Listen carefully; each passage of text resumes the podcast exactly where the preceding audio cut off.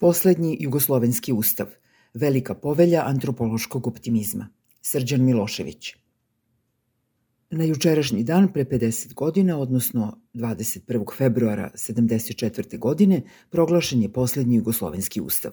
O njemu se nekada govorilo, a i danas se najčešće govori, više u kontekstu njegovih stvarnih ili tobožnih posledica nego u ustavu samom. U ovom tekstu ću pokušati da nešto više kažem o karakteru ovog u svakom smislu osobenog ustavnog teksta. Ipak, na samom početku moram da učinim jednu napomenu. U odnosu na Ustavi 74. imam pretežno afirmativno mišljenje i to manje kao pravnik, više kao istoričar, a najviše kao pojedinac kojeg privlači magnetizam smelih ideja za koje razume se verujem da imaju progresivni smisao i koje se u tom Ustavu stiču socijalizam, samoupravljanje, bratstvo i jedinstvo, ravnopravnost, federalizam i mnoštvo drugih. Ustav iz 74. godine nalazi se na kraju niza konstitutivnih poduhvata koje započinje još avnoj 43. godine, a nastavljaju Ustav iz 46. Ustavni zakon iz 53. Ustav iz 63. amandmani iz 67., 68. i 71. godine – i ovaj ustav će proći kroz dva ciklusa noveliranja amandmanima iz 81. i 88. Ovako učestale promene bile su objašnjavane kao logičan izraz društvene dinamike socijalističkog društva u neprekidnoj izgradnji. Objektivno one su bile rezultat spoja kako pomenute dinamike socijalističkog razvitka, tako i brojnih nesavršenosti ustavnih aranžmana koje su sa svoje strane bile posledica novine sistema socijalističkog samoupravljanja. To je za posledicu imalo i svojevrsno tumaranje ustavotvoraca, kako nomotehničko, tako i sadržinsko. Sa preko 400 često opširnih članova, Ustav SFRJ iz 74. godine bio i među najdužim ustavima na svetu. Jedino je Ustav Indije znatno opširniji. Ovaj ustav naročito je i opravdano povezivan sa novom koncepcijom federalizma koja je ustanovila federalne jedinice kao države i približila Jugoslaviju konfederalnom modelu organizacije, čineći značajan iskorak u odnosu na prethodni ustavni aranžman iz 63. godine. Razume se, brojne su odredbe novog ustava kojima su redefinisani odnosi u federaciji. Kao paradigma tih promena mogu da posluže sledeće formulacije. Dok je Ustav iz 63. donela Savezna narodna skupština kao najviše predstavničko telo radnog naroda i svih naroda Jugoslavije, Ustavi iz 74. godine donosi Savezna skupština u saglasnosti sa Skupštinama republika i Skupštinama autonomnih pokrajina. To je bio jezički izraz fundamentalne promene u statusu republika i pokrajina u arhitekturi jugoslovenskog federalizma. Toj temi svakako vredi posvetiti poseban tekst, dok ovom prilikom nameravam da se držim nekih načalnih pogleda. Nažalost, na Ustav SFRJ iz 74. najčešće se kritički gledalo kroz prizmu nacionalnih interesa, kao i kroz prizmu liberalnog koncepta Ustava i ustavnosti, pa su mnoge njegove karakteristike ostale ili u drugom planu ili sasvim izobličene. Obe kritičke perspektive najčešće su same sebe dovodile do banalnih ishoda – Kada je reč o kritici iz perspektive nacionalnih interesa, njen konačni izraz u kontekstu Srbije jeste shvatanje da je Jugoslovenski ustav iz 74. godine paradigma komunističke obmane i podvale srpskom narodu koje su ga sprečile da ostvari sve srpsko ujedinjenje fiksiranjem tobože proizvoljnih republičkih granica kao državnih. Kritika iz liberalne perspektive izvodi se do komičnog paroksizma izraženog kroz stanovište da Ustav socijalističke Jugoslavije ne zaslužuje drugo osim prezrvih osvrta, naprosto jer nije izraz liberalne ustavnosti. On mora biti nedemokratski jer drugačija demokratija osim liberalne ne postoji. On mora biti izraz totalitarnih tendencija jer je koncept jedinstva vlasti po svojoj sadržini nužno totalitaran – Njegove nerazumljive odredbe moraju biti utopistička, distopijska tlapnja, jer polazeći od nepostojećih osnova nemušto regulišu nepostojeće odnose. Ovim ne želim da kažem da je kritičko čitanje Ustava iz 74. godine iz navedenih perspektiva nacionalne i liberalne nemoguće, već da najčešće sebe diskredituju svojevrsnom ekstremizacijom koja vodi pomenutim banalnim ishodima – Naročito uočljivo uporno odbijanje da se objašnjenje neupitnih disfunkcionalnosti socijalističkog sistema potraži u istim onim razlozima koji su istorijski u ovom društvu činili i još uvek čine disfunkcionalnom i liberalnu demokratiju i parlamentarizam i podelu vlasti. Gde je bio komunizam 1870. ili 1880. kada je inaugurisana politička kultura unutrašnjeg neprijatelja? Koji je to samoupravni socijalizam bremzao karakušljivi privredni razvoj do 1941. godine? Koji je to Tito ukinuo parlamentarizam 1929. godine? Drugim rečima, posle nekoliko decenija tranzicije i obnove liberalne ustavnosti, čini se da smo i dalje u zavodljivoj paradigmi postsocijalizma, koja uzroke svih problema, neredko sa morbidnim užitkom, pronalazi seciranjem kadavera socijalizma. Kao rđava karakteristika Ustava iz 74. često se navodi nejasnoća izraza i stilizacije članova. Ustav bi odista bio mnogo jasniji da nije težio da detaljno izrazi i objasni sve svoje institute i mehanizme, da gotovo ništa ne prepusti spontanom razvoju, da izrazi sve aspekte jugoslovenskog samoupravnog sistema. Sve to u Ustavu je ostvareno na način da se opšti i u biti neintuitivni pojmovi objašnjavaju drugim relativno nepoznatim pojmovima, koji je tek trebalo da postanu koliko toliko prepoznatljivi ustavno-pravni koncepti i termini. No, ni sa tom kritikom ne treba preterivati. Većina pojmova je već postojala u Ustavu iz 63. godine. Oni su bili u cirkulaciji, jedino što nisu bili opšte poznati niti samorazumljivi. Primera radi, Teritorijalno-administrativne jedinice su bile društveno-političke zajednice. Savez komunista i Socijalistički savez radnog naroda bili su društveno-političke organizacije. Razni zavodi i ustanove su bili samoupravne interesne zajednice i tako dalje moglo bi se navesti srazmerno dosta pojmova koji su dobili manje ili više komplikovane pravno-tehničke nazive. Ništa od toga, međutim, nije bilo nesavladiva materija i uz nešto napora i dobre volje, taj tekst zapravo postaje razumljiv. Iako su socijalistički ustavi najčešće karakterisani upravo kao utopistički, slepi za realnost istorijskog trenutka u kojem nastaju i optimistički zagledani u izmaštanu budućnost, to je samo delimično tačno – Ne treba odbaciti da su ustavotvorci socijalističke epohe imali svojevrsnih zabluda o dosegnutim razmerama promena, ali kada je reč o Jugoslaviji, ustavne promene dešavale su se onda kada se činilo da je društveni razvoj zapravo premašio postojeće ustavne okvire, odnosno da su ovi postali tesni.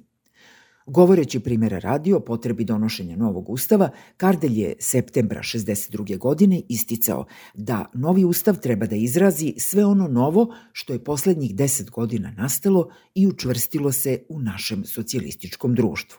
Te novine koje su dakle već bile realnost, kako je ona percipirana u komunističkom rukovodstvu, bile su čak toliko specifične i učvršćene da su zahtevale da se neki dijelovi Ustava moraju, kako po sadržaju, tako i po općoj koncepciji, bitno odvojiti od klasičnih političko-pravnih dokumenta te vrste i da se traže ne samo vlastiti izraženi oblici, već i neka nova političko-organizaciona sredstva – U ovim Kardeljevim rečima jasno se raspoznaje početak onoga što će postati završna faza jugoslovenske socijalističke ustavnosti, odnosno opšta idejna osnova Ustava i 63. i 74.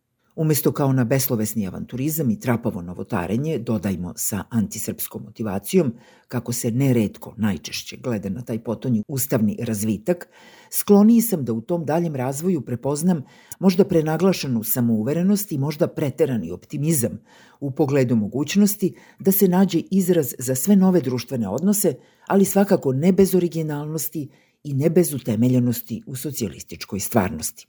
Zapravo, Ustavi 74. godine trebalo je da pronađe pravu meru, večita obsesija socijalističke izgradnje, između postojećeg i programskog. U tom smislu je isticanje orijentacije socijalističkih ustava ka budućnosti opravdano, premda se neredko simplicistički prenaglašava, budući da ta orijentacija nije ni jedina ni najvažnija temporalna dimenzija te ustavnosti.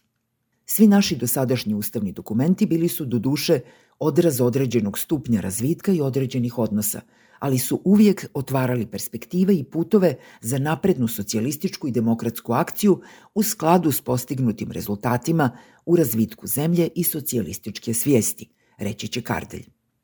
Međutim, novi ustavni aranžmani nisu dolazili na kraju nove faze razvoja, već pre na njegovom početku, sa nastankom novih formi.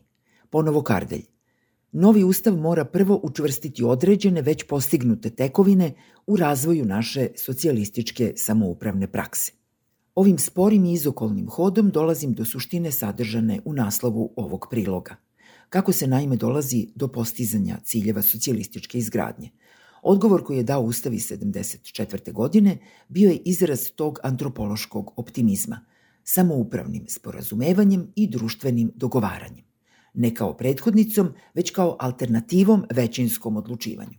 Naime, i socijalističko društvo karakteriše pluralizam interesa, čije se sukobljavanje može artikulisati kroz većinsko odlučivanje, ali i kroz deliberativne prakse kakve su sporazumevanje i dogovaranje.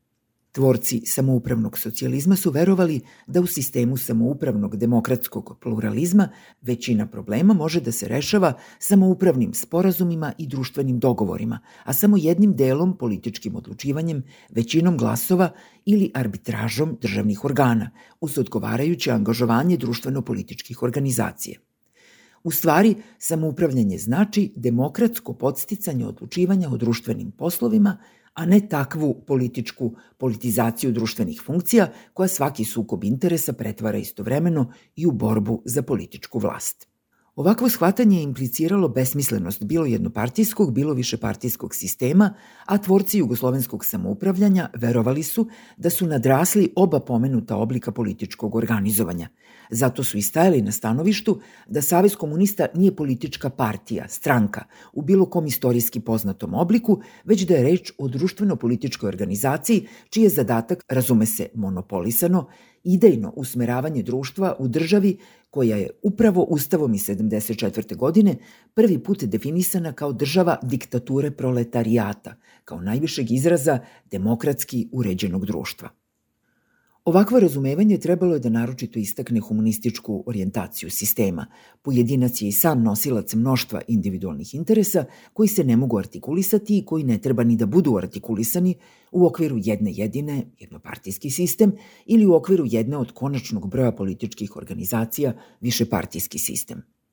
Čak i kada se odlučuje većinskim principom, kako je uveravao Kardalj, reč je o većini koja se uvek iznova stvara oko rešavanja pojedinih društvenih problema i interesa – Drugim rečima, pošto ta većina nije i ne može biti uvek ista, političke partije otuda ne mogu uspešno da artikulišu sve životno relevantne interese pojedinca, niti treba da ih artikulišu. Ali to ne znači da ti interesi treba da budu žrtvovani na oltaru partijskih afilijacija, što se neminovno dešava u političkoj borbi, čiji je ishod pobeda jedne ili druge političke opcije – Zato su, kako su tvrdili tvorci samoupravnog socijalizma, upravo društveno-političke organizacije nestranačkog karaktera, Savez komunista, Socijalistički savez radnog naroda, sindikati, omladinske organizacije i množina drugih, postojećih i onih koje će iznedriti budući razvoj, uz samoupravno sporazumevanje i dogovaranje, formati u kojima se na optimalan način omogućava artikulacija pluralizma samoupravnih interesa. Privodeći kraju ovaj pokušaj sažetog prikaza duha Ustava iz 74. godine, naročito ističem da se taj prikaz odnosi na ono što su ustavotvorci želeli, nameravali, verovali ili mislili da njihov ustavotvorni poduhvat postiže. Ne verujem da je potrebno naročito objašnjavati da je to prvi korak u analitičkom mišljenju određenog sadržaja. Kada je nastala socijalistička Jugoslavija, Kardelju je opisao kao plebejsku republiku Jakobinaca – ističući ovom romantizovanom metaforom revolucionarnu odlučnost da se država upotrebi kao sredstvo revolucionarne borbe. 30 godina kasnije, isti ideolog jugoslovenskog socijalizma verovao je da je ista ta država postala sredstvo samoupravnog društva. Šta je od idealno postavljenog okvira ostvareno, u kojim pravcima se razvijala realnost, kakvi su bili učinci i niz drugih pitanja, predstavljaju drugi analitički sloj. Međutim, kao usputnu napomenu, podvlačim da se neretko lakonski i bez dubljih uvida olako bagateliše obim i karakter ostvarenja načela koja je izrazio Ustavi 74. godine i drugi jugoslovenski ustavi socijalističke epohe. Teško je odupreti se oceni da je svođenje čitavog univerzuma ideja koje je izrazio Ustav, o kojem je ovde bilo reči, na interpretacije o delovanju protiv srpskog naroda ili o utopističkoj mantri dogmatizovanih ili ciničnih tehnologa jednopartijske vlasti naprosto banalno. Time ne isključujem da je Ustav Tacite ugradio u svoju strukturu mehanizme inspirisane primera radi strahom od unitarizma i velikosrpske hegemonije, tim konstantama komunističke državno-nacionalne ideologije. Međutim, to je mogao biti njegov akcesorni, a nikako osnovni sadržaj. Umesto toga, skloniji sam uverenju da je Ustavi 74. pre svega izrazio optimističan, ne i utopistički, pogled na perspektivu samoupravljanja, da je značajno precenio domete njegovog dotadašnjeg razvoja, da je u poređenju sa prethodnim ustavima sadržao više projekcije budućnosti, kao da je u njegovoj osnovi stajao snažan ideološki i antropološki optimizam pre nego bilo šta drugo.